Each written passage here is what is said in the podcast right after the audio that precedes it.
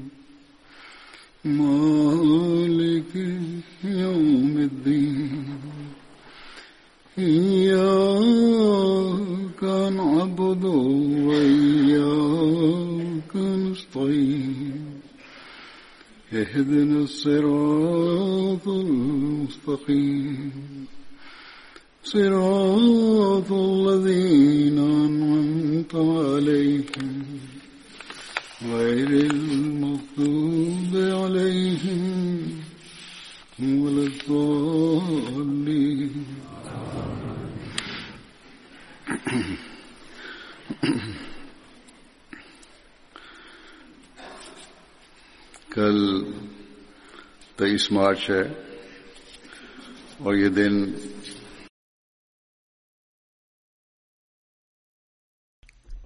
Besok adalah tanggal 23 Maret. Jemaat biasa merayakan Hari Masih Maud pada tanggal tersebut. Sesuai dengan nubuatan Rasulullah Sallallahu Alaihi Wasallam, Al-Masih dan Al-Mahdi yang akan datang di akhir zaman untuk mengajarkan dan menyebarkan ajaran Islam yang hakiki kepada dunia dan menyatukan umat muslim di bawah satu tangan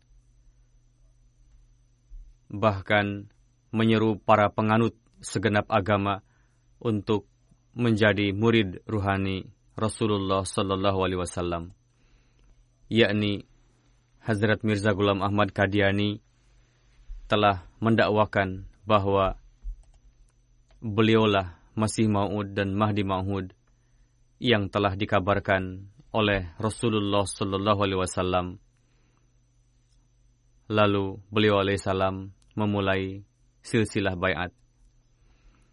Pada kesempatan ini, saya akan sampaikan beberapa sabda Hadrat Masih Maud alaihissalam yang beliau jelaskan berkenaan dengan perlunya kedatangan Masih Maud, kondisi zaman, dan mengenai pendakwaan beliau. Begitu juga beliau mengabarkan berbagai tanda yang berkaitan dengan itu. Beliau alaihissalam bersabda dalam syair, Zaman itu adalah zaman kedatangan Al-Masih, bukan orang lain. Jika aku tidak datang, maka pasti ada orang lain yang akan datang. Jadi, kondisi zaman menuntut kedatangan orang yang akan menakodai bahtera Islam. Namun sayangnya, mayoritas ulama Islam yang sebelumnya menanti-nanti kedatangan seorang Al-Masih dan menunggu-nunggu dengan penuh penantian. Namun, setelah beliau alaihissalam mendakwakan, justru mayoritas mereka malah menentang beliau alaihissalam.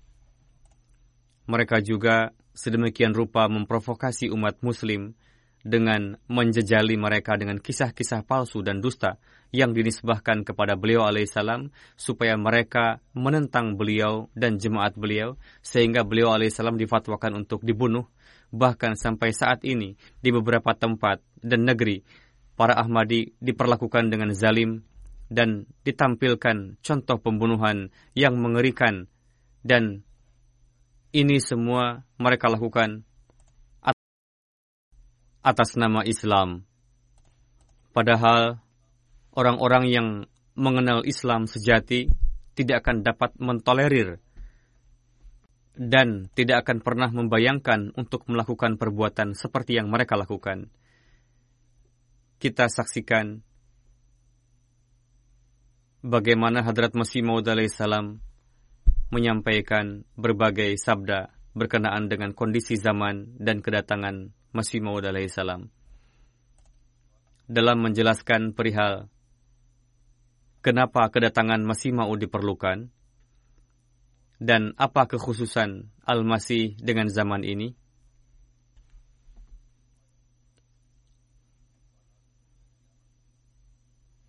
Beliau alaihissalam bersabda,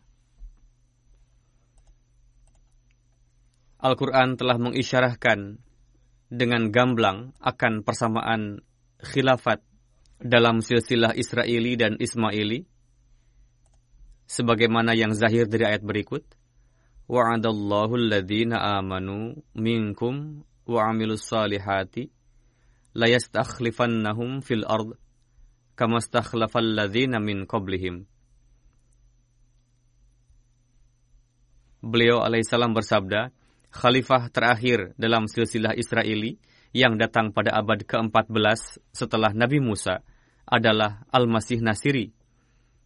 Sebagai pembandingnya, mestilah Al-Masih dalam umat ini pun datang pada permulaan abad ke-14. Selain itu, seorang ahli kasyaf yang memiliki jalinan khas dengan Allah Ta'ala, beliau menetapkan abad ini sebagai masa pengutusan Al-Masih. Banyak sekali orang-orang suci yang telah lalu, seperti contoh Hadrat Syah Waliullah Sahib, dan lain-lain. Firqa ahli hadis pun menyepakati bahwa tanda-tanda kecil dan besar akan kedatangan Al-Masih sampai batas tertentu telah tergenapi. Beliau al-Islam bersabda, namun di dalamnya terdapat kekeliruan yakni tanda-tanda telah tergenapi seluruhnya, bukan sampai batas tertentu.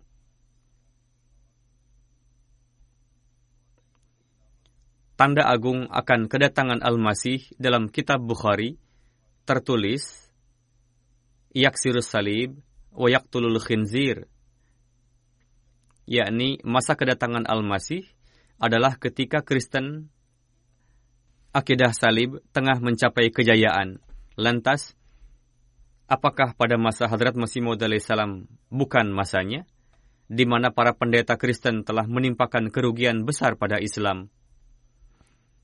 Apakah sejak zaman Adam sampai saat ini kita temukan perbandingan yang semisal itu?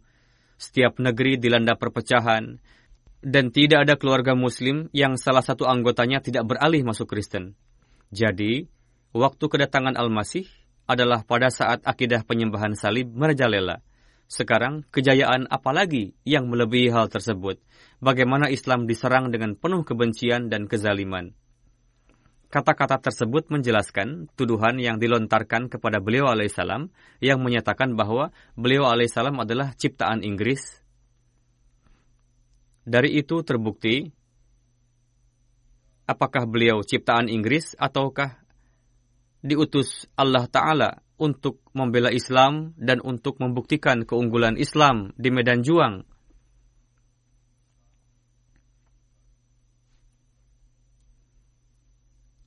Beliau alaihissalam bersabda, Adakah kelompok penentang yang tidak melontarkan kata-kata yang sangat keji dan cacian kepada Rasulullah Sallallahu Alaihi Wasallam? Jika saat ini bukan saat kedatangan Al-Masih, maka ia segera akan datang sampai jangka 100 tahun ke depan. karena ia adalah mujadid pada masanya, masih Maud, yang pengutusannya pada permulaan abad. Maka, apakah kondisi Islam pada masa ini masih memiliki ketahanan untuk menghadapi dominasi para pendeta yang kian hari kian meningkat sampai satu abad lamanya? Kejayaan mereka sudah sampai pada puncaknya dan wujud yang akan datang telah datang. Ia juga akan menghancurkan Dajjal dengan hujah yang sempurna, karena dalam hadis dikatakan bahwa di tangannya telah ditakdirkan kekalahan agama-agama lain, bukan kehancuran orang-orang ataupun para pengikut agama. Dengan begitu, telah tergenapi, yakni Mesih Muhammadi yang akan datang itu akan membuktikan keunggulan ajaran Islam di atas segenap agama-agama lain dengan dalil-dalil dan bukti dan akan mempersembahkan ajaran Islam kepada setiap agama untuk meyakinkan keunggulannya.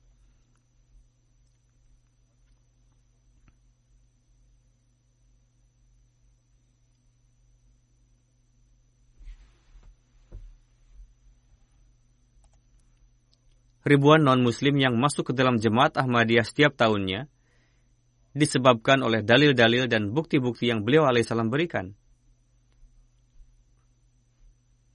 Kemudian, berkenaan dengan kondisi zaman dan perlunya kedatangan Masih Maud, beliau alaihissalam bersabda, Jika tanah tidak layak, maka hujan pun tidak memberikan manfaat baginya, bahkan malah menimpakan mudarat dan kerugian.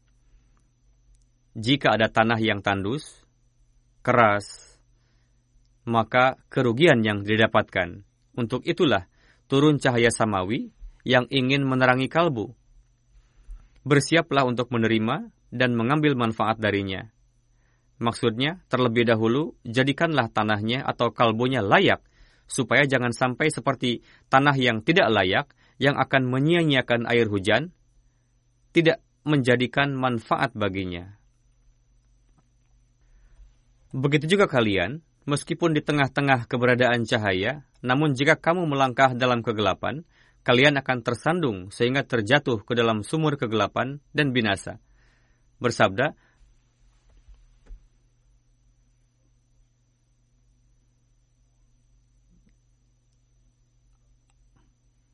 Allah Ta'ala lebih penyayang daripada seorang ibu yang penyayang sekalipun. Dia tidak menghendaki makhluknya sia-sia.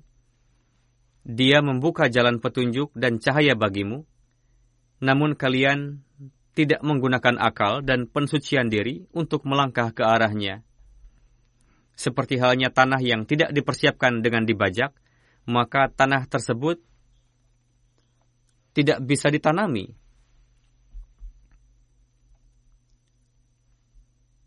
Demikian pula, sebelum melakukan pensucian diri dengan mujahidah dan disiplin, maka akal yang suci tidak dapat turun dari langit. Pada zaman ini Allah Ta'ala telah memberikan karunia besar dan gairat kecintaannya bergejolak untuk menolong agamanya dan hadrat Rasulullah dengan mengutus seorang manusia yang berbicara di antara kalian dengan tujuan supaya orang tersebut menyeru orang-orang kepada cahaya. Jika pada zaman tersebut tidak terjadi kerusakan dan kekisruhan, dan tidak ada beragam upaya untuk mencondongkan orang-orang kepada agama, maka tidak akan ada bedanya. Namun sekarang kalian saksikan dari berbagai arah, orang-orang berpikir untuk menghancurkan Islam, menyerang dari berbagai arah. Berbagai bangsa berusaha untuk menghancurkan Islam dengan berbagai cara, dan itu berlangsung sampai saat ini. Beliau bersabda, "Saya ingat dan saya juga telah sampaikan dalam buku Berahin Ahmadiyah bahwa telah ditulis dan diterbitkan sebanyak 60 juta buku untuk menentang Islam. Ini terjadi pada zaman Hadrat Masih Maud salam 100 tahun bahkan 150 tahun yang lalu. Hadrat Muslim Maud bersabda, sungguh aneh, umat muslim di Hindustan pada saat itu adalah 60 juta jiwa, sedangkan jumlah buku yang diterbitkan untuk menentang Islam pun sebanyak itu. Jumlah umat Islam pada saat itu sekitar 60 juta. Saat ini jumlahnya lebih kurang 500 atau 600 juta jiwa. Jika jumlah tersebut dibiarkan tetap, yakni jika ada juga selain itu, berarti seolah-olah penentang Islam telah memberikan satu buku kepada setiap muslim. Karena jumlah umat muslim pada saat itu lebih kurang sama dengan jumlah buku yang diterbitkan untuk menentang Islam. Terlebih saat ini dilakukan dengan berbagai sarana, apakah itu sosial media, internet, dan ditingkatkan lagi dengan berbagai sarana lainnya. Beliau bersabda, seolah-olah setiap penentang lebih memberikan satu buku kepada setiap umat muslim di Hindustan jika tidak ada gejolak garet kecintaan Allah Ta'ala, dan jika janjinya inna lahu lahafizun tidak dipenuhi, tentunya Islam telah sirna dari dunia ini sejak hari ini. Hanya tinggal nama, namun tidak mungkin itu terjadi. Tangan Tuhan yang tersembunyi tengah menjaganya. Saya sangat menyesalkan melihat sikap mereka yang menyebut diri Muslim, namun tidak memikirkan Islam seperti mereka memikirkan pernikahan Di sisi lain, saya sering membaca bahwa ketika menjelang kewafatan, para wanita Kristen biasa mewasiatkan ratusan ribu rupiah untuk penyebaran agama Kristen. Kita lihat pada masa itu ada kecenderungan untuk mendukung para wanita Kristen bisa berkorban harta dan hidupnya untuk penyebaran Islam.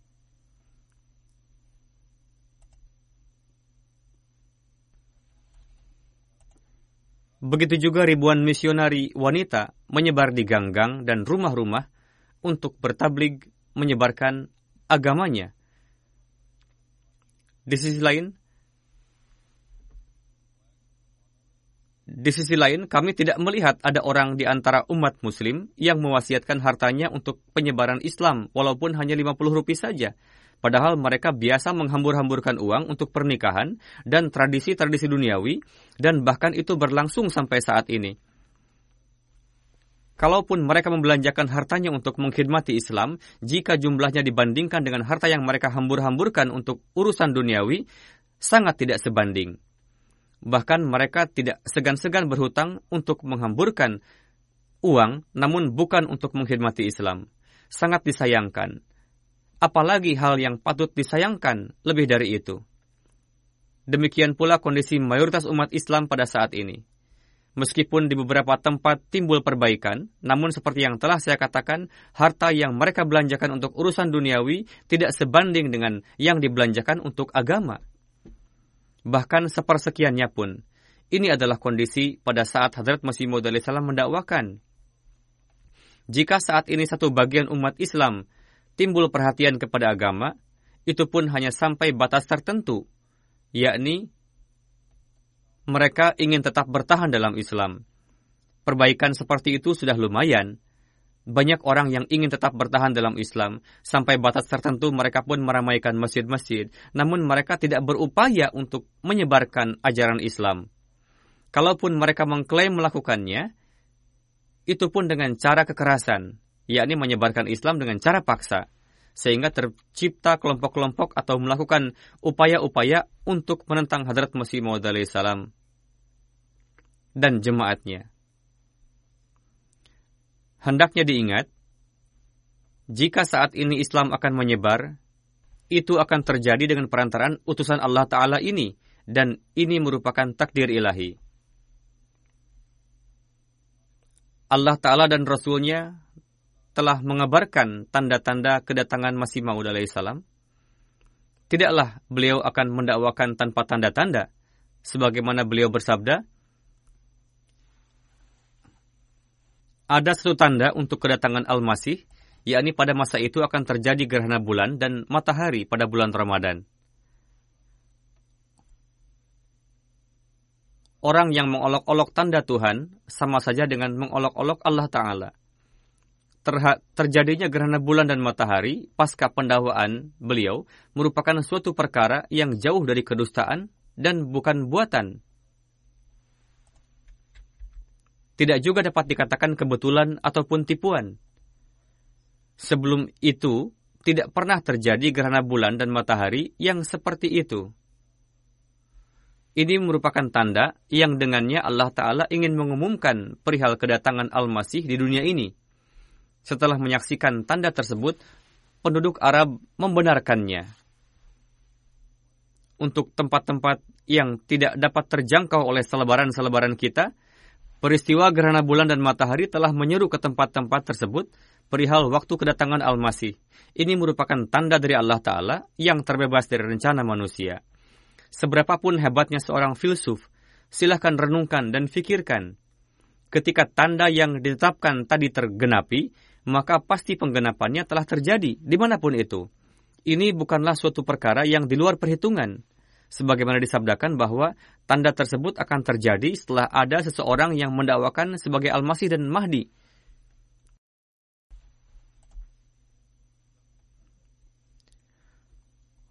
Rasulullah pun telah bersabda bahwa tidak pernah terjadi peristiwa serupa semenjak Adam sampai Sang Mahdi.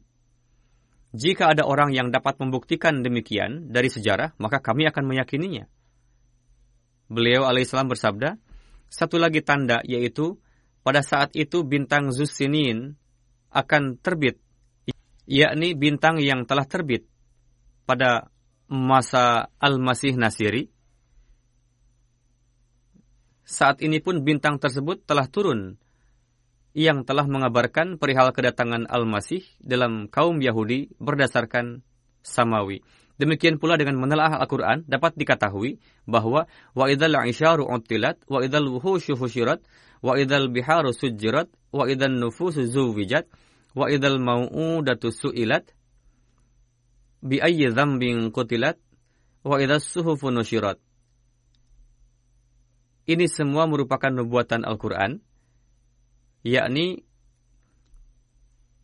di antaranya dinubuatkan bahwa binatang buas akan dikumpulkan, di dalamnya mengandung banyak tafsir, penggenapannya dalam corak telah didirikan kebun binatang, begitupun pendidikan menjadi hal biasa dan menyebar di seluruh dunia. Lalu sebagian bangsa-bangsa telah menyerang dan menghambisi penduduk lokal.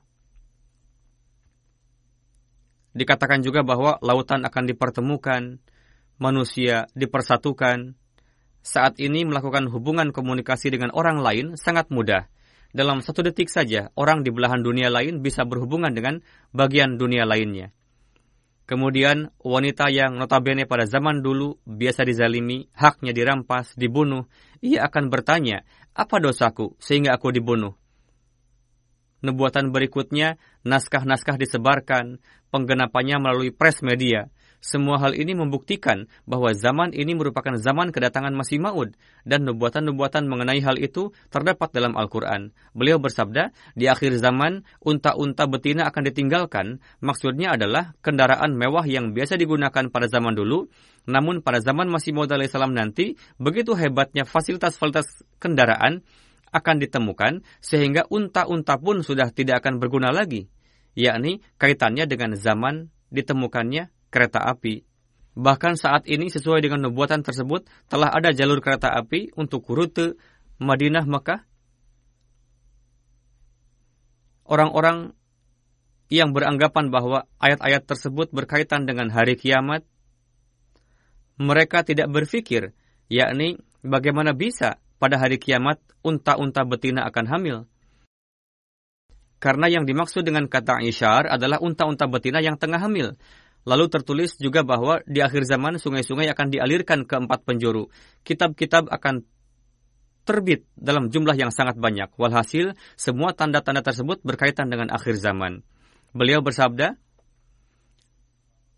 berkenaan dengan di tempat manakah masih Maud akan datang, hendaknya diingat, telah dijelaskan bahwa Dajjal akan muncul di timur, yang maksudnya adalah negeri kita, yakni Hindustan sebagaimana penulis Hujajul Kiromah menulis bahwa fitnah Dajjal akan muncul di Hindustan. Jelaslah bahwa Al-Masih pun pasti muncul di tempat keluarnya Dajjal.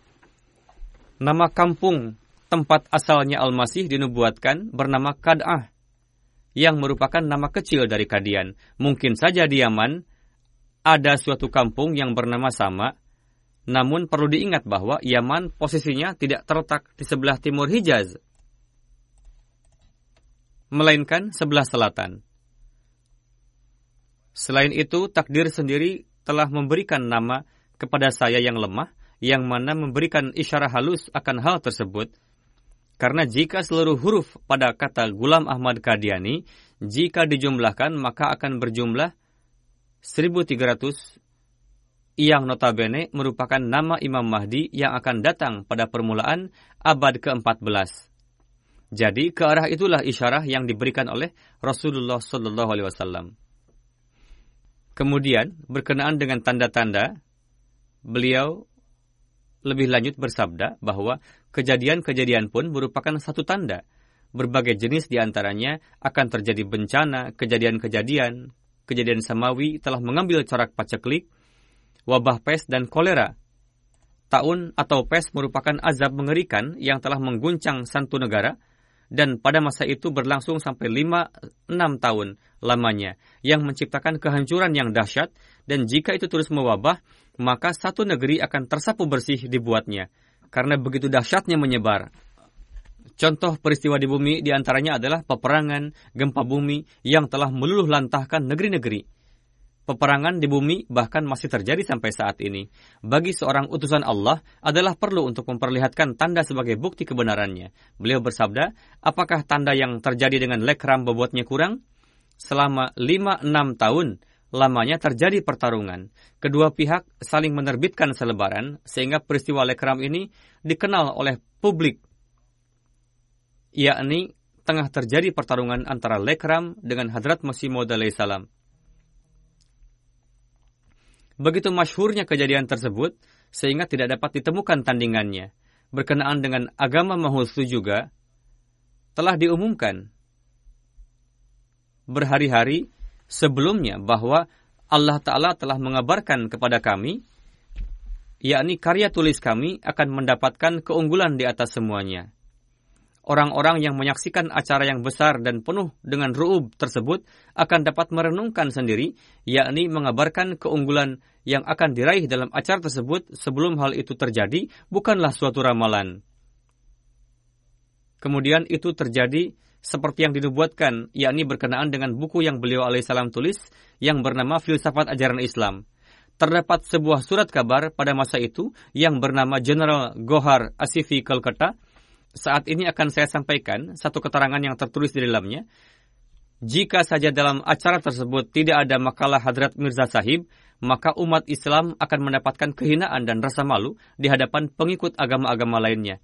Namun tangan Allah Ta'ala yang maha dahsyat telah menyelamatkan jatuhnya Islam dari kehinaan. Bahkan disebabkan oleh makalah tersebut, Allah Ta'ala telah memberikan keunggulan sedemikian rupa sehingga tidak hanya para pendukung, bahkan para penentang sekalipun mengakui dengan gejolak fitratnya bahwa makalah yang ditulis oleh Mirza Sahib adalah yang unggul di atas makalah lainnya. Yang menulis pernyataan tersebut bukanlah seorang Ahmadi, melainkan non-Ahmadi.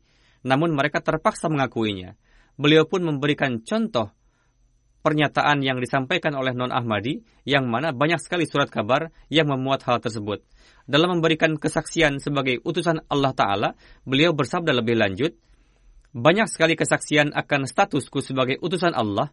Pertama, kesaksian intern. Kedua, kesaksian ekstern. Ketiga, hadis sahih perihal mujadid yang akan datang pada permulaan abad ke-14. Keempat, inna nahnu nazzalna dzikra wa inna lahu lahafizun, yakni penjagaan. Kelima, kesaksian agung, yakni janji istikhlaf dalam surah An-Nur. Allah telah berfirman, Wa'adallahu alladhina amanu minkum wa salihati la yastakhlifannahum fil ard kama stakhlafal min qablihim. Dalam ayat tersebut sesuai dengan janji istikhlaf para khalifah yang akan terlahir dalam silsilah Rasulullah akan seperti para khalifah sebelumnya.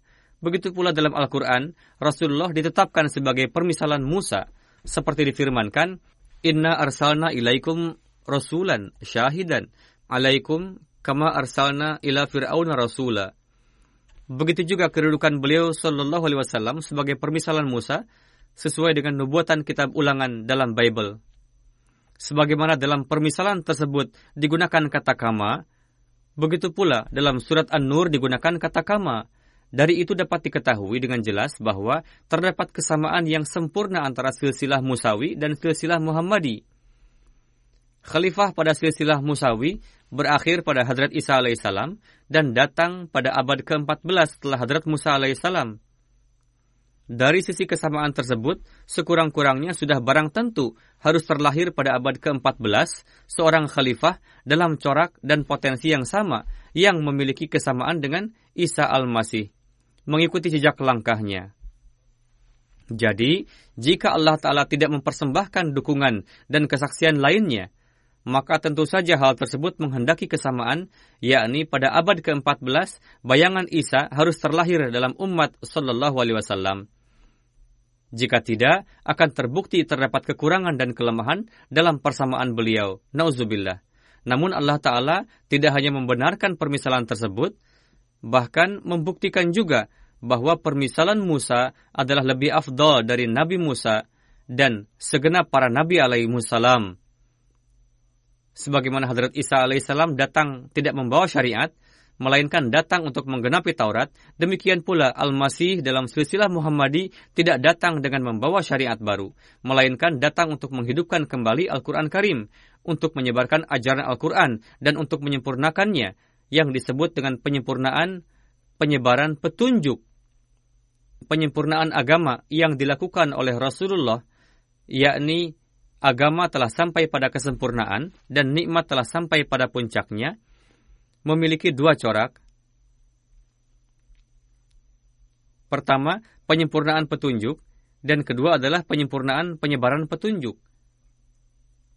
Beliau bersabda, penyempurnaan petunjuk tergenapi dengan kedatangan Rasulullah. Yang pertama, petunjuk telah disempurnakan, yakni petunjuk telah sempurna dengan pengutusan Rasulullah, dengan turunnya syariat. Sedangkan penyempurnaan penyebaran petunjuk penyebaran syariat petunjuk yang akan terjadi tergenapi dengan kedatangan Rasulullah yang kedua. Karena ayat wa akhirina minhum pada surah Jum'ah yang memberikan petunjuk untuk mempersiapkan satu kaum lain sebagai buah dari keberkatan dan ajaran beliau Shallallahu Alaihi Wasallam. Dari itu dapat diketahui dengan jelas bahwa ada pengutusan beliau yang lainnya lagi dan pengutusan tersebut dalam corak buruzi atau bayangan yang terjadi pada saat ini. Jadi, saat ini merupakan waktunya penyempurnaan penyebaran petunjuk. Inilah sebabnya segenap sarana penyebaran tengah tergenapi dengan banyaknya percetakan dan hari demi hari lahirnya hal-hal baru di dalamnya mendapatkan banyak kemudahan. Kantor-kantor pos bahkan teknologi terkini digunakan di dalamnya. Dengan ditemukannya kantor pos, telegram, kereta api, pesawat, dan penerbitan surat kabar, kesemua itu telah menjadikan dunia seperti layaknya sebuah kota. Walhasil, kemajuan-kemajuan ini pun sebenarnya merupakan kemajuan-kemajuan Rasulullah. Karena dengan perantaraan itu, bagian kedua dari penyempurnaan petunjuk beliau, yakni menyempurnakan penyebaran petunjuk, tengah tergenapi. Seorang yang bijak dapat merenungkan dengan terlebih dahulu menyatukan semua perkara itu, yakni apa yang kami paparkan tersebut, apakah layak untuk ditolak dengan pandangan sekilas, atau perlu direnungkan dan difikirkan dengan seksama. Apa pun yang kami sampaikan, apakah saat ini merupakan permulaan abad atau bukan? Jika seandainya kami tidak datang, tetap saja setiap orang bijak dan takut kepada Allah Ta'ala semestinya mencari wujud yang akan datang itu karena permulaan abad telah tiba masanya. Bahkan saat ini hampir berlalu 20 tahun, untuk itu perlu untuk lebih direnungkan lagi. Kefasadan pada masa ini menuntut kedatangan seseorang yang akan memperbaikinya. Beliau bersabda, kekristenan menyebarkan kebebasan dan kemerdekaan yang tidak terbatas, dan setelah menyaksikan dampaknya bagi anak-anak muslim, terpaksa mengatakan, bukan anak-anak muslim. Bersabda, apa yang seharusnya menjadi sarana untuk mengetahui kebenaran? Beliau bersabda, berdoalah kepada Allah Ta'ala dalam salat-salat, supaya kebenaran dibukakan padanya. Saya meyakini, jika saja manusia memfokuskan perhatiannya pada Allah Ta'ala, supaya ditampakkan kebenaran padanya, setelah membersihkan diri dari kebencian dan fanatisme, maka tidak akan sampai berlalu 40 hari, kebenaran akan dibukakan kepadanya. Namun sangat sedikit orang yang meminta putusan dari Allah Ta'ala dengan memenuhi persyaratan tersebut. Dengan begitu, disebabkan karena ketidakfahaman atau keras kepala dan kebencian, mereka merusak keimanannya sendiri dengan mengingkari wali Allah Ta'ala. Karena jika tidak tersisa keimanan pada para wali, yang berfungsi sebagai pondasi bagi kenabian, sehingga ia terpaksa harus mengingkari kenabian. Sedangkan mengingkari Nabi sama halnya dengan mengingkari Tuhan. Dengan demikian, keimanannya sama sekali menjadi rusak.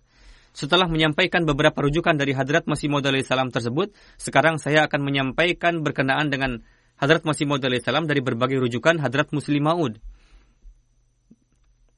Dalam satu kesempatan, beliau radhiyallahu anhu bersabda, "Ketika penentangan meningkat, jemaat pun mengalami kemajuan. Ketika penentangan meningkat, dukungan dan pertolongan Allah Ta'ala dalam corak mukjizat pun meningkat. Untuk itu, beliau bersabda, ketika ada orang yang datang ke hadapan Hadrat Masih Maud salam, ia mengatakan, kami menghadapi banyak penentangan. Sebagai jawabannya, beliau alaihissalam bersabda, itu merupakan tanda kemajuan bagi Anda. Di mana terdapat penentangan, di sana jemaat pun berkembang. Karena sebagai akibat dari penentangan, orang yang tadinya tidak mengenal jemaat pun menjadi tahu. Perlahan-lahan akan timbul keinginan di dalam dirinya untuk menelaah buku-buku jemaat. Jika mereka membacanya, maka kebenaran akan mulai menarik hatinya. Suatu ketika datang seseorang ke hadapan Hadrat Masih Maud salam, lalu bayat kepada beliau. Setelah bayat, Hadrat Masih Maud salam bertanya kepada orang itu, Siapa yang telah menabligi Anda? Secara spontan orang itu menjawab, yang menabligi saya adalah melalui Sanaullah, yang notabene seorang penentang Hadrat Masih Maud salam. Hadrat Masih Maud salam bertanya dengan penuh keheranan, bagaimana bisa seperti itu? Ia menjawab, Oh, saya sebelum ini biasa membaca surat kabar dan buku-buku karya Maulwi Sahib. Saya perhatikan dalam literatur tersebut selalu tertulis penentangan keras terhadap jemaat Ahmadiyah. Suatu ketika saya berpikir untuk membaca juga buku-buku jemaat Ahmadiyah. Kenapa sedemikian rupa ditentang jemaat Ahmadiyah ini? Saya ingin tahu apa yang ditulis oleh Hadrat Masih Maud salam. Ketika saya mulai membaca buku-buku Jemaat Ahmadiyah, hati saya terbuka dan menjadi siap untuk bayat. Walhasil, manfaat utama dari penentangan adalah membuat jemaat ilahi maju, sehingga banyak orang yang mendapatkan petunjuk karenanya.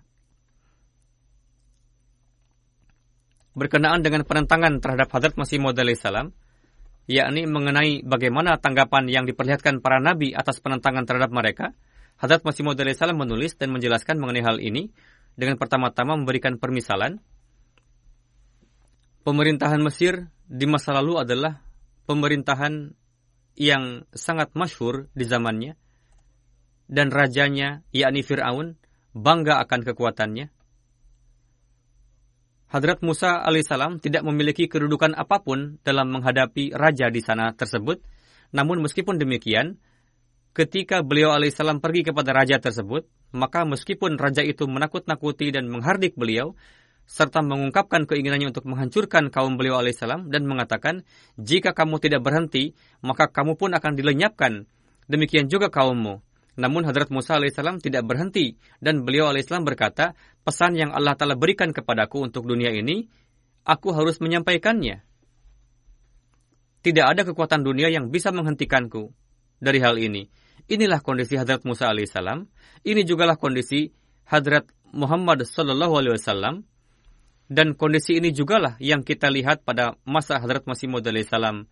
Seluruh kaum menentang beliau, pemerintahan pun menentang beliau alaihissalam dengan corak demikian, meskipun di masa-masa akhir kondisinya tidak lagi seperti itu. Penentangan sedikit berkurang. Bagaimanapun, kaum-kaum menentang beliau, para pengikut seluruh agama menentang beliau alaihissalam, para maulwi menentang beliau, para tokoh pun menentang beliau, khalayak umum menentang beliau, para pejabat dan pembesar pun memusuhi beliau. Singkatnya, suatu taufan penentangan menerjang dari keempat penjuru. Orang-orang banyak yang menasihati beliau, beberapa orang datang sebagai teman dan mengatakan supaya beliau alaihissalam sedikit banyak mengurangi pendawaan-pendawaan beliau alaihissalam Sebagian orang mengatakan jika beliau meninggalkan perkara-perkara tertentu dalam pendakwaan beliau, maka semua orang akan bergabung dengan dalam jemaat beliau. Namun beliau alaihissalam tidak menghiraukan satupun perkataan mereka itu dan terus menyampaikan pendakwaan beliau. Timbul kegaduhan atas hal itu, terjadi pemukulan dan pembunuhan. Namun meskipun semua penderitaan itu yang sampai sekarang pun masih berlangsung dan meskipun perlawanan terhadap beliau berasal dari satu dunia, yang dari segi sarana-sarana zahir beliau alaihissalam benar-benar tidak memiliki kekuatan untuk menghadapinya, namun beliau alaihissalam tetap melanjutkan perlawanan beliau alaihissalam. Bahkan Hadrat Muslim Maud menulis, saya ingat beberapa kali saya mendengar dari Hadrat Masih Maud alaihissalam bahwa permisalan seorang nabi adalah seperti yang diceritakan orang-orang, bahwa di sebuah kampung tinggallah seorang perempuan gila, kapan pun ia keluar rumah, anak-anak laki-laki berkumpul dan mengejeknya mereka mengolok-oloknya dan mengganggunya. Mereka mengganggunya berkali-kali. Sebagai balasannya, orang gila itu pun memaki-maki anak-anak laki-laki tersebut dan berdoa buruk. Akhirnya, suatu hari orang-orang kampung bermusyawarah satu sama lain, mengatakan anak perempuan ini teraniaya dan anak-anak laki-laki kita telah menyakitinya tanpa hak. Dalam kondisi teraniaya, ia berdoa buruk. Jangan-jangan doa-doa buruknya itu menjadi kenyataan atau terkabul. Kita hendaknya mencegah anak-anak laki-laki kita supaya tidak mengganggunya dan ia tidak berdoa buruk bagi kita. Setelah bermusyawarah, mereka memutuskan bahwa mulai esok hari, semua orang-orang di kampung harus mengurung anak-anak laki-laki mereka di rumah dan tidak mengizinkan mereka keluar. Oleh karena itu, keesokan harinya, semua orang mengatakan kepada anak-anak laki-lakinya untuk tidak keluar rumah. Dan lebih lanjut, sebagai bentuk kehati-hatian, mereka memasang rantai di pintu-pintu luar mereka dan menggemboknya. Ketika hari mulai siang, dan sebagaimana biasa perempuan gila tersebut keluar dari rumahnya, maka untuk beberapa lama ia berjalan-jalan ke sana kemari di gang-gang, dari gang yang satu ke gang yang lain, namun ia tidak melihat seorang anak laki-laki pun. Sebelum sebelumnya yang biasa terjadi adalah seorang anak laki-laki menyeret kakinya, Seorang lagi mencubitnya, seorang lagi mendorongnya, seorang lagi memegang tangannya dengan kasar, yang lainnya mengolok-oloknya. Namun hari ini ia tidak melihat satu orang anak pun. Ia menunggu hingga tengah hari, namun ketika ia melihat tidak ada seorang anak laki-laki pun yang keluar rumah, ia pergi ke toko-toko, dan di setiap toko ia mengatakan, hari ini rumah kamu telah roboh, anak-anakmu telah mati. Akhirnya apa yang terjadi? Kenapa tidak nampak seorang anak pun? Tidak berapa lama kemudian ketika ia mendatangi toko, setiap toko dan mengatakan seperti itu, maka orang-orang berkata, caci makian itu datang juga dengan memperlakukannya seperti ini. Hentikanlah cara seperti ini. Mengapa menjadikan anak-anak sebagai tawanan? Setelah menceritakan kisah ini, beliau bersabda bahwa kondisi para nabi pun memiliki corak seperti ini, yakni dunia menggoda mereka, mengganggu mereka, menzalimi mereka, dan sedemikian rupa menzalimi mereka, sehingga sulit bagi mereka untuk menjalani hidupnya. Lalu timbul perasaan di hati sekelompok orang bahwa orang-orang menzalimi mereka, hendaknya mereka tidak menzalimi nabi-nabi tersebut, namun mereka para nabi tidak dapat meninggalkannya. Ketika dunia tidak mengganggu mereka, maka mereka sendiri yang akan menggoncangkan dan membangunkan dunia sehingga dunia memberikan perhatian kepada mereka, yakni para nabi. Mendengarkan perkataan mereka, terserah dengan cara bagaimanapun mereka mendengarkannya. Dari antara para penentang jugalah akhirnya akan muncul orang-orang yang baik. Hadrat Muslim Maud bersabda, Maulwi Muhammad Hussein Batalwi adalah seorang teman Hadrat Masih Maud salam di masa muda dan selalu menjalin hubungan baik dengan beliau alaihissalam serta selalu memuji tulisan-tulisan beliau. Setelah Hadrat Masih Maud salam mendakwakan diri, ia mengumumkan bahwa akulah yang telah membesarkan orang ini dan sekarang aku jugalah yang akan menghancurkannya. Pada masa itu, siapa yang bisa membayangkan seorang melalui Muhammad Hussein Batalwi yang merupakan seorang yang terhormat dan berpengaruh mengatakan mengenai seseorang bahwa ia akan menghancurkan orang itu dan kemudian ia tidak hancur. Tentu saja, seseorang yang memiliki pengaruh sepertinya, jika ia mengatakan sesuatu, ia juga bisa melakukannya. Kemudian kaum kerabat Hadrat Masih Maud salam sendiri pun mengumumkan, bahkan beberapa mencetak artikel-artikel dalam surat-surat kabar bahwa orang ini, yakni Hadrat Masih Maud salam hanya sedang menjalankan bisnis katanya. Jangan memberikan perhatian kepadanya. Dan demikianlah mereka berusaha membuat seluruh dunia berburuk sangka kepada beliau.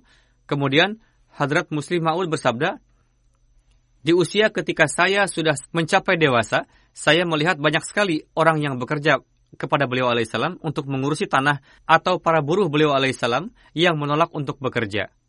Sebenarnya yang memprovokasi mereka adalah kerabat kami juga. Singkatnya, baik pihak internal kerabat beliau alaihissalam maupun eksternal berkeinginan untuk menghapuskan dan menghancurkan beliau alaihissalam. Akan tetapi, apa yang terjadi? Hari ini nama beliau digaungkan di 212 negara. Jika ini bukan tanda kebenaran beliau alaihissalam, lantas apa lagi? Kemudian menjelaskan mengenai tanda kebenaran yang lainnya, Hadrat Muslim Maud bersabda, Allah Ta'ala telah menciptakan Hadrat Masih Maud Islam di antara kita, dan wujud beliau telah menjadi tanda yang nyata bagi kita. Siapa pun yang duduk di, di samping beliau, maka akan nampak kepadanya kebenaran Al-Quran Karim dan Nabi Muhammad Sallallahu Alaihi Wasallam. Dan tidak ada suatu pun yang bisa memalingkannya dari Islam. Ketika Karamdin memejah hijaukan Hadrat Masih Maud Islam, hakimnya adalah seorang Hindu orang-orang Arya memprovokasi hakim itu dan mengatakan bahwa Hadrat Masih Maud salam harus dijatuhi hukuman, apa pun bentuknya itu. Hakim itu pun telah berjanji untuk melakukannya. Ketika mendengar hal itu, Khawajah Kamaluddin menjadi takut. Ia pergi ke Gurdaspur menghadap Hadrat Masih Maud salam yang mana selama masa pengadilan beliau tinggal di sana dan berkata, Huzur, Orang-orang Arya telah mendapatkan janji dari hakim bahwa ia akan menjatuhkan hukuman apa pun itu. Pada saat itu Harut Masih Maud salam sedang berbaring. Beliau langsung bangkit duduk dan bersabda, Khawajah sahib, siapa yang bisa menyentuh singa Allah? Aku adalah singa Allah. Dia menyentuhkan tangannya kepadaku, maka lihatlah apa yang akan terjadi. Demikianlah yang terjadi. Ada dua orang hakim dalam persidangan kasus ini, dan keduanya mendapatkan hukuman azab yang sangat keras. salah seorang dari hakim itu dipecat dan yang satunya lagi anaknya tenggelam di sungai dan ia menjadi setengah gila dalam kesedihannya.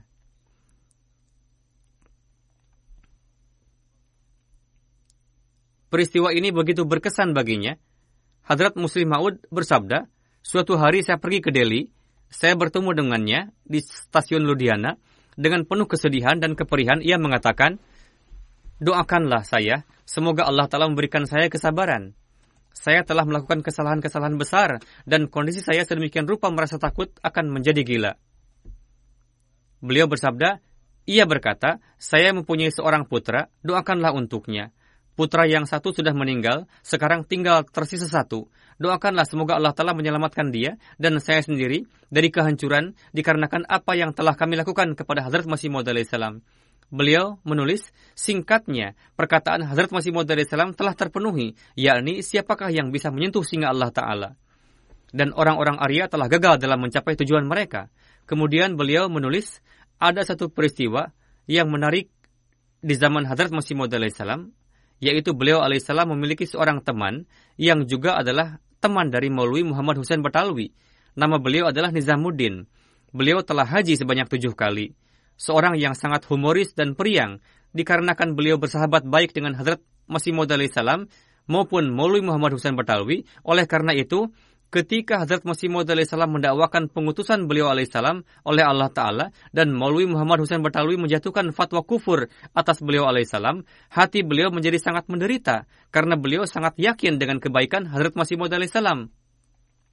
Beliau tinggal di Ludiana, dan ketika para penentang mengatakan sesuatu yang menentang beliau alaihissalam, maka beliau melawan mereka dan mengatakan, pertama-tama, pergilah kalian untuk melihat langsung keadaan Mirza Sahib. Beliau orang yang sangat baik. Dan setelah tinggal bersama beliau, saya melihat bahwa apabila beliau diberikan pemahaman mengenai suatu hal dari Al-Quran, maka beliau alaihissalam akan dengan segera siap untuk mengakuinya beliau sama sekali tidak pernah mengelabui atau menipu. Jika beliau diberikan pemahaman dari Al-Quran bahwa pendakwaan beliau itu keliru, maka saya yakin bahwa beliau akan dengan segera mengakuinya. Seringkali Nizamuddin Sahib bertengkar dengan orang-orang mengenai perkara ini dan selalu mengatakan bahwa nanti kalau saya kekadian, saya akan melihat beliau akan bertobat dari pendakwaannya saya akan membuka Al-Quran Karim dan meletakkannya di hadapan beliau. Dan pada saat saya menyampaikan suatu ayat mengenai perginya Nabi Isa alaihissalam ke langit, dalam keadaan hidup, maka beliau alaihissalam akan segera mengakuinya. Nizamuddin Sahib mengatakan, saya mengetahui dengan baik bahwa setelah mendengar suatu perkara dari Al-Quran, beliau tidak akan membantah. Akhirnya pada suatu hari beliau berpemikiran untuk melaksanakan rencananya, dan setibanya di Kadian dari Ludiana, beliau langsung mengatakan kepada Hadrat Masih Maud salam, apakah Anda telah meninggalkan Islam atau mengingkari Al-Quran? Hadrat Masih Maud salam menjawab, bagaimana bisa seperti itu? Saya beriman kepada Al-Quran dan Islam adalah agama saya. Nizamuddin Sahib mengatakan, Alhamdulillah, saya selalu mengatakan ini kepada beberapa orang bahwa beliau, yakni Hazrat Masih Maud salam tidak akan bisa meninggalkan Al-Quran. Kemudian berkata lagi, baiklah, jika saya memperlihatkan ribuan ayat dari Al-Quran yang membuktikan bahwa Hazrat Isa alaihissalam naik ke langit hidup-hidup, apakah Tuhan akan mengakuinya? Hazrat Masih Maud salam menjawab, jangankan seribu, jika Tuhan memperlihatkan kepada saya satu ayat saja mengenai itu, maka saya akan menerimanya. Nizamuddin Sahib berkata, Alhamdulillah, saya selalu berdebat dengan orang-orang mengenai hal ini bahwa membuat Hadrat Mirza Sahib mengakui Al-Quran bukanlah hal yang sulit. Inilah yang membuat orang-orang bergaduh. Lalu beliau mengatakan, baiklah, jangankan ribuan, jika saya menyampaikan seratus ayat mengenai masih hidupnya Nabi Isa alaihissalam, apakah Anda akan mempercayainya? Hadrat Masih Maud Islam bersabda, saya telah katakan bahwa jika Anda memberikan satu ayat saja, maka saya akan mengakuinya sebagaimana mengamalkan 100 ayat di dalam Al-Quran adalah suatu keharusan. Demikian juga mengamalkan setiap katanya adalah suatu keharusan. Bukanlah persoalan satu atau 100 ayat. Beliau lalu berkata, baiklah, jangan 100 ayat, 50 ayat saja. Jika saya menyampaikannya, apakah Tuhan akan tetap pada janji Tuhan untuk meninggalkan pendapat Tuhan? Hadrat Masih Maud Islam bersabda, saya telah katakan, kemukakanlah oleh Tuhan satu ayat saja, maka saya siap untuk mengakuinya. Setelah melihat keteguhan Harut Masih Maud salam atas perkara ini, timbullah keraguan di dalam diri beliau, jangan-jangan di dalam Al-Quran tidak ada ayat sebanyak itu. Akhirnya beliau berkata, baiklah, sepuluh ayat. Jika saya mampu menyampaikannya, apakah Tuhan pasti akan mengakuinya? Harut Masih Maud Islam tersenyum dan bersabda, saya tetap pada perkataan saya yang pertama bahwa kemukakanlah oleh Tuhan satu ayat saja. Beliau berkata, baiklah, sekarang saya akan pergi empat lima hari lagi akan kembali dan akan memperlihatkan ayat-ayat dari Al-Quran mengenai hal itu.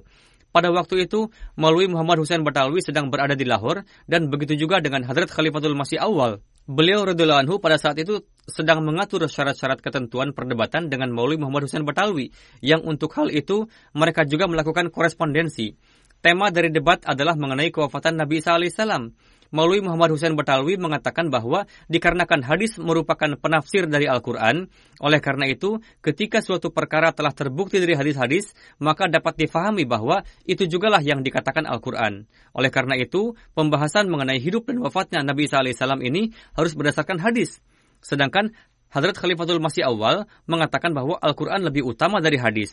Oleh karena itu, bagaimanapun harus membuktikan pendapat masing-masing dari Al-Quran.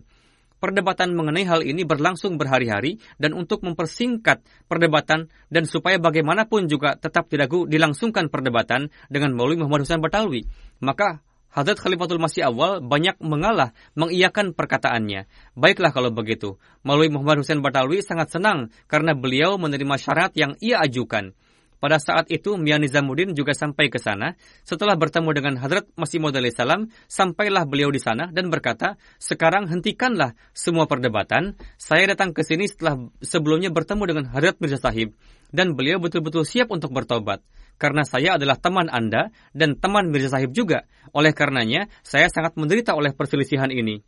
Saya juga mengetahui bahwa Hadrat Mirza Sahib seorang yang bijak oleh karena itu, saya pergi kepada beliau dan saya telah mendapatkan janji dari beliau bahwa jika diperlihatkan kepada beliau 10 ayat dari Al-Quran mengenai perginya Nabi alaihissalam ke langit, maka beliau akan mengakui masih hidupnya Nabi alaihissalam. Beritahukanlah kepada saya 10 ayat tersebut. Hadrat Muslim Maud menulis bahwa Maulwi Muhammad Hussein Batalwi seorang yang bertabiat temperamental atau cepat marah, ia berkata kepada temannya itu kurang ajar kamu telah merusak semua usaha saya. Setelah dua bulan berdebat, saya berhasil membuatnya mau berdebat berdasarkan hadis. Sekarang kamu mengembalikannya lagi ke, ke Al-Quran. Mia Nizamuddin berkata, baiklah, Anda juga tidak punya 10 ayat untuk mendukung pendirian saya. Maulwi Muhammad Husain Batalwi berkata, Hai kamu bodoh, apa yang kamu tahu mengenai makna dari Al-Quran? Ketika Maulwi Muhammad Husain mengatakan hal ini kepada Mia Nizamuddin, maka beliau berkata, oke, okay, di pihak mana ada Al-Quran, maka saya akan berada di pihak itu. Setelah mengatakan itu, beliau lalu pergi ke Kadian dan bayat di tangan Hadrat Masih Maud Islam. Demikianlah peristiwa bayat beliau. Hadrat Muslim Maud menulis, lihatlah, begitu yakinnya Hadrat Masih Maud Islam kepada Al-Quran dan dengan begitu percaya dirinya beliau mengatakan bahwa Al-Quran tidak mungkin bertentangan dengan beliau alaihissalam. Ini bukanlah berarti bahwa Al-Quran memiliki hubungan yang khusus dengan Harut Masih Maud salam atau dengan Jemaat Ahmadiyah. Al-Quran memperlihatkan jalan kebenaran dan pihak yang benar akan didukungnya. Karena Hazrat Masih Maud merasa yakin bahwa beliau adalah benar dan Al-Quran juga bersama beliau. Inilah sebabnya beliau berulang kali bersabda, jika ada suatu pendakwaanku yang tidak sesuai dengan Al-Quran, aku akan melemparkannya ke tempat sampah. Ini tidaklah berarti bahwa Hazrat Masih Maud memiliki keraguan atas pendakwaan beliau. Bahkan penyebab dari perkataan beliau itu adalah karena beliau yakin bahwa Al-Quran membenarkan beliau. Ini adalah harapan yang telah memberikan beliau kesuksesan di dunia ini. Dan hari ini pun ini menjadi sarana kita untuk meraih kesuksesan dan untuk menyebarkan pesan Harut Masih Maud Islam di dunia ini. Suatu keniscayaan bahwa Al-Quran bersama kita. Harut Masih Maud Islam bersabda, Ingatlah, sesungguhnya janji Allah adalah benar. Sesuai dengan janjinya, dia telah mengutus seorang pemberi peringatan ke dunia ini. Dunia tidak menerimanya, namun Allah Ta'ala pasti akan menerimanya. Dan dengan serangan-serangan yang dahsyat, dia akan menzahirkan kebenarannya. Aku katakan kepada kalian dengan sesungguhnya, aku datang sebagai Masih Maud sesuai dengan janji Allah Ta'ala, terimalah atau tolaklah sesuai keinginan kalian. Namun penolakan kalian tidak akan berarti apa-apa. Apa yang menjadi kehendak Allah Ta'ala akan tetap terjadi. Karena Allah Ta'ala sudah sejak permulaan bersabda di dalam Berahin Ahmadiyah, Sadaqallahu Rasulahu wa kana wa'da maf'ula. yakni Allah Ta'ala dan Rasulnya selalu berkata benar dan perintah Allah Ta'ala selalu terpenuhi. Saya juga ingin menyampaikan sedikit perihal kejadian yang terjadi di Selandia Baru Seharusnya saya mengatakan Jumat yang lalu, namun tadi terlupa. Setelah kejadian itu, saya perintahkan untuk mengadakan press release di mana di dalamnya disampaikan ucapan bela sungkawa dari pihak jemaat karena banyak sekali orang-orang yang tidak berdosa, anak-anak menjadi sasaran kekejian yang disebabkan oleh kebencian atas suatu agama. Mereka disahidkan. Semoga Allah Ta'ala mengasihi mereka semua. Dan semoga keluarga yang ditinggalkan diberikan kesabaran. Pada kesempatan ini, ada beberapa hal yang sangat bermanfaat yang ingin saya sampaikan, yakni pemerintah Selandia Baru dan secara khusus Perdana Menteri telah memperlihatkan akhlak mulia dan menunaikan hak pelaksanaan kewajiban-kewajiban pemerintahan. Itu sangat baik sekali. Semoga pemerintah-pemerintah Muslim pun dapat mengambil pelajaran darinya dan memainkan peranan penting dalam menuntaskan kebencian agama. Orang-orang awam juga ikut serta sepenuhnya di sana. Saya mendengar bahwa Jumat hari ini radio dan televisi mengumumkan juga bahwa kami akan menyiarkan azan mereka di televisi dan radio sebagai perlakuan kebersamaan, solidaritas dengan orang-orang Islam pada waktu Jumat. Perempuan-perempuan non-Muslim, Kristen juga mengumumkan untuk mengenakan selendang dan tutup kepala sebagai ekspresi kebersamaan. Semoga Allah Ta'ala menerima kebaikan-kebaikan mereka tersebut dan menganugerahkan taufik juga kepada mereka untuk mengenal kebenaran dan perkara yang hak. Orang-orang Islam di sana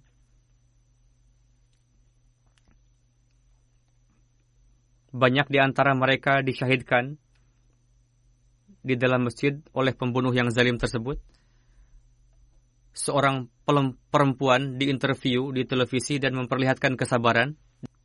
Suami dan putranya yang berusia 20 tahun wafat dalam kejadian itu, yang mana mereka telah mengorbankan jiwanya demi untuk menyelamatkan orang lain.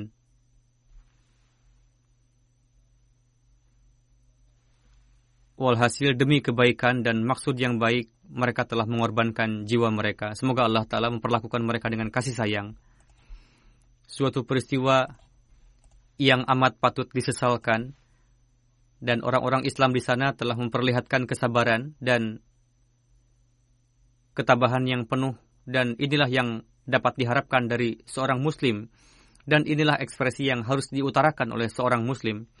Namun beberapa kelompok garis keras mengumumkan bahwa kami akan menuntut balas, padahal ini perkara yang amat keliru. Dengan demikian, permusuhan akan terus sengit. Semoga kelompok-kelompok garis keras dalam Islam berakhir dan ajaran Islam yang hakiki dan indah menyebar di dunia dan semoga Allah Ta'ala juga menganugerahkan taufik kepada orang-orang Islam supaya mayoritas mereka bahkan keseluruhannya menerima imam zaman dan supaya mereka bersatu dan ajaran Islam yang hakiki dan indah dapat disebarkan di dunia.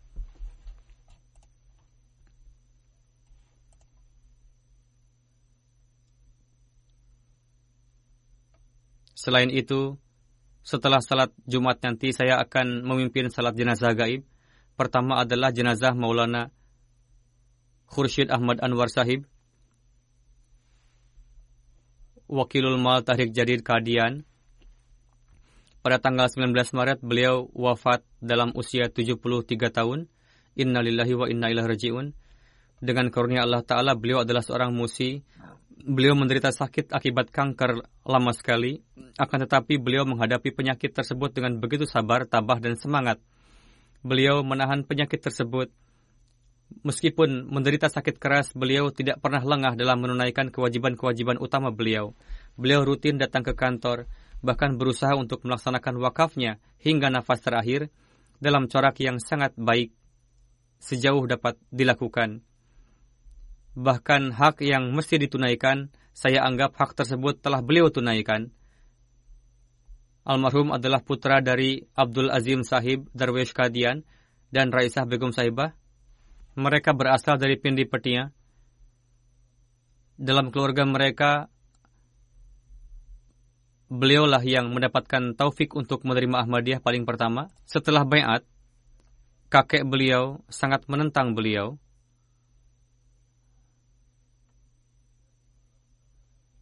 dan mengancam beliau. Kemudian beliau hijrah ke Kadian dan bermukim di Kadian secara permanen. Pada masa kanak-kanak beliau sempat bergaul dengan para sahabat agung dan para darwish Kadian di lingkungan Kadian. Beliau lulus SMP dari Talimul Islam School Kadian. Kemudian masuk dalam Madrasah Ahmadiyah. Pada tahun 67 beliau lulus ujian Maulwi Fazil dari Madrasah Ahmadiyah Kadian. Di Madrasah Ahmadiyah Kadian juga beliau pertama kali ditetapkan sebagai guru. Setelah itu pada tahun 82 beliau ditetapkan sebagai manajer surat kabar Badar. Dalam waktu yang cukup lama beliau juga sebagai editor surat kabar Badar.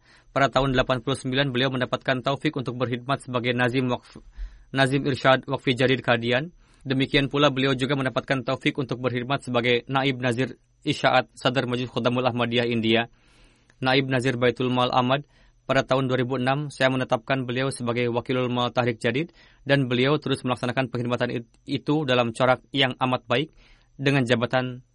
Begitu juga beliau sebagai sadar dan member anggota beberapa komite penting markas. Dalam pribadi beliau terdapat keahlian dalam pengelolaan yang sangat baik dan beliau melaksanakan kewajibannya dengan senang hati dan kerja keras. Beliau mengokohkan posisi India dalam candah tarik jadid beliau telah berusaha keras. Tadinya mereka sangat terbelakang dan dengan karunia Allah Ta'ala beliau tarik ke depan dari segi pengorbanan-pengorbanan. Beliau adalah sosok yang mempunyai rasa simpati yang dalam terhadap uang jemaat dan mengeluarkannya dengan penuh hati-hati. Beliau juga sangat baik dalam skill ilmiah. Artikel-artikel beliau sangat indah. Beliau mendapatkan taufik untuk menjadi editor sukses surat kabar Badar Kadian hingga bertahun-tahun editorial-editorial beliau dalam surat kabar Badar penuh dengan pengetahuan-pengetahuan agama dan kefasihan bahasa Urdu. Dulu biasa dilakukan perlombaan di Hyderabad, Dakan. Lembaga Takmir Millat biasa mengadakan perlombaan tentang riwayat hidup Rasulullah. Di sana juga suatu kali beliau pernah menulis artikel dan mendapat penghargaan juara pertama.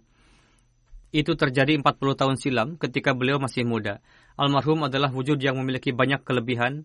Beliau mempunyai sifat rendah hati, menghormati tamu, pekerja keras. Sebelum jasa salanah, beliau mempersiapkan kedatangan tamu-tamu dengan penuh cinta. Meskipun sarana prasarana terbatas, beliau mengatur penjamuan tamu dengan sangat baik. Beliau memiliki banyak gagasan, simpati terhadap orang-orang miskin. Beliau sangat taat kepada atasannya, memiliki ikatan yang dalam terhadap khilafat, Masa penghormatan beliau kira-kira 52 tahun. Beliau memiliki empat anak perempuan dan seorang anak laki-laki. Seorang putra tinggal di sini, di London, dan seorang putri beliau tinggal di Amerika, dan seorang lagi di Kadian. Menantu beliau, Khalid Ahmad Alidin Sahib, menulis bahwa pada hari-hari sakit, saya pernah meminta kepada beliau untuk istirahat, namun beliau senantiasa menjawab bahwa saya ingin hadir di hadapan Allah Ta'ala dalam berkhidmat hingga akhir hayat, dan beliau tunaikan janji tersebut.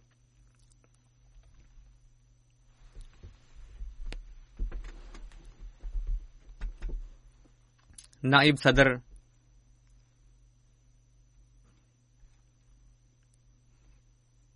Majlis Tahrik Jadid menulis, saya punya ikatan dengan beliau semenjak masa sekolah. Dalam berbagai kesempatan, saya mendapat kesempatan untuk bekerja sama dengan beliau. Pada saat beliau ditetapkan sebagai Naib Nazir Baitul Mal Ahmad, saat itu beliau bekerja sama dengan saya hingga masa yang lama dengan sangat baik. Beliau sangat taat, rajin, dan jujur.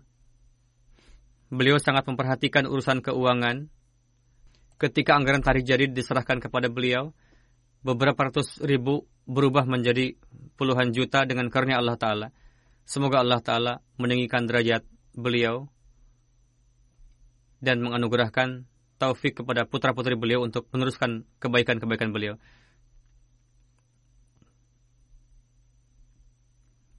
Jenazah kedua adalah Tahir Hussein Munshi Sahib, Naib Amir Fiji, yang wafat pada tanggal 5 Maret dalam usia 72 tahun. Innalillahi wa inna ilaihi raji'un. Beliau adalah pengkhidmat lama di jemaat Fiji. Beliau mendapatkan taufik untuk berkhidmat sebagai naib namir dengan masa yang lama. Beliau adalah insan yang sangat baik, rajin, berdoa, mukhlis, dan setia. Dengan karunia Allah Ta'ala, beliau adalah musi. Beliau telah melunasi bagian jaidatnya selama masih hidup. Beliau meninggalkan seorang putra dan seorang putri. Keduanya belum Ahmadi dengan karunia Allah Ta'ala, beliau telah tersohor dalam bidang taklim di Fiji. Beliau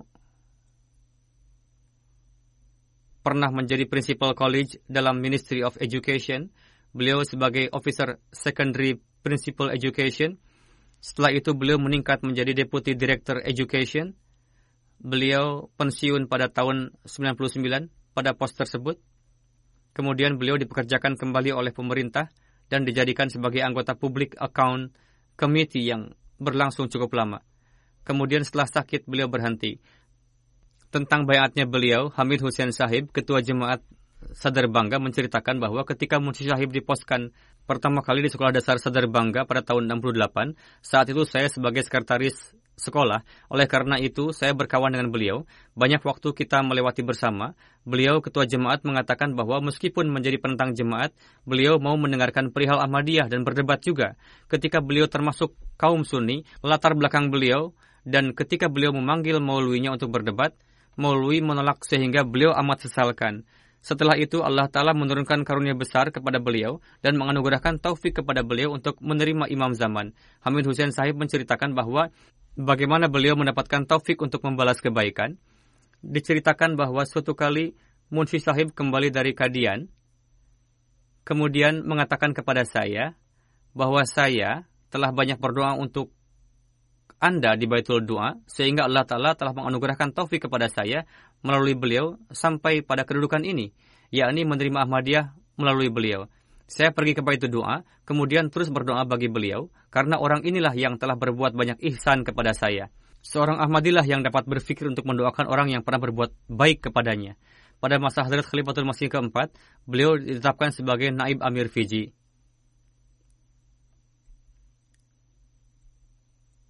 Naim Iqbal Sahib, seorang mubalik menulis bahwa beliau adalah wujud yang amat setia.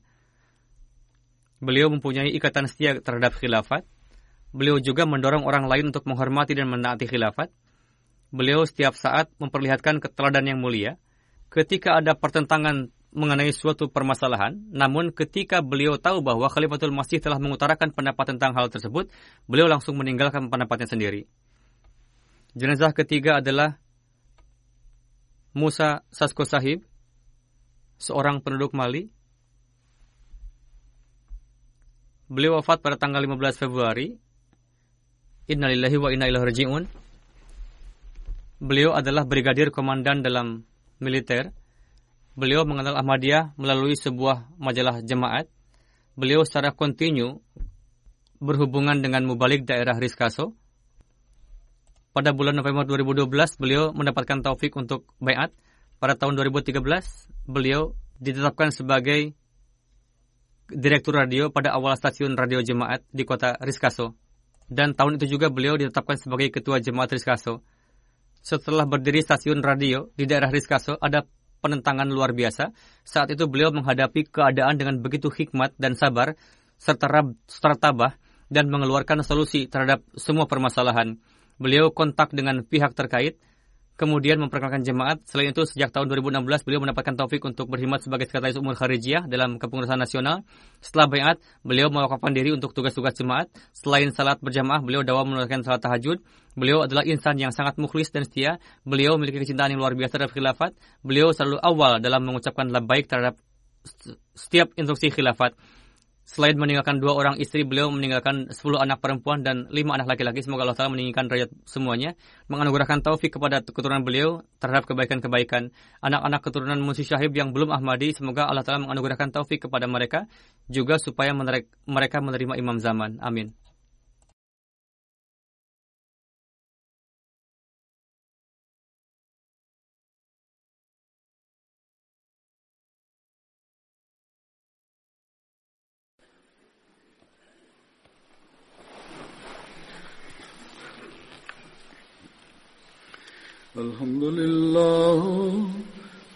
الحمد لله نحمده ونستعينه ونستغفره ونؤمن به ونتوكل عليه ونعوذ بالله من شرور أنفسنا ومن سيئات أعمالنا من يهده الله فلا مضل له فلا مضل له ومن يضلله فلا هادي له.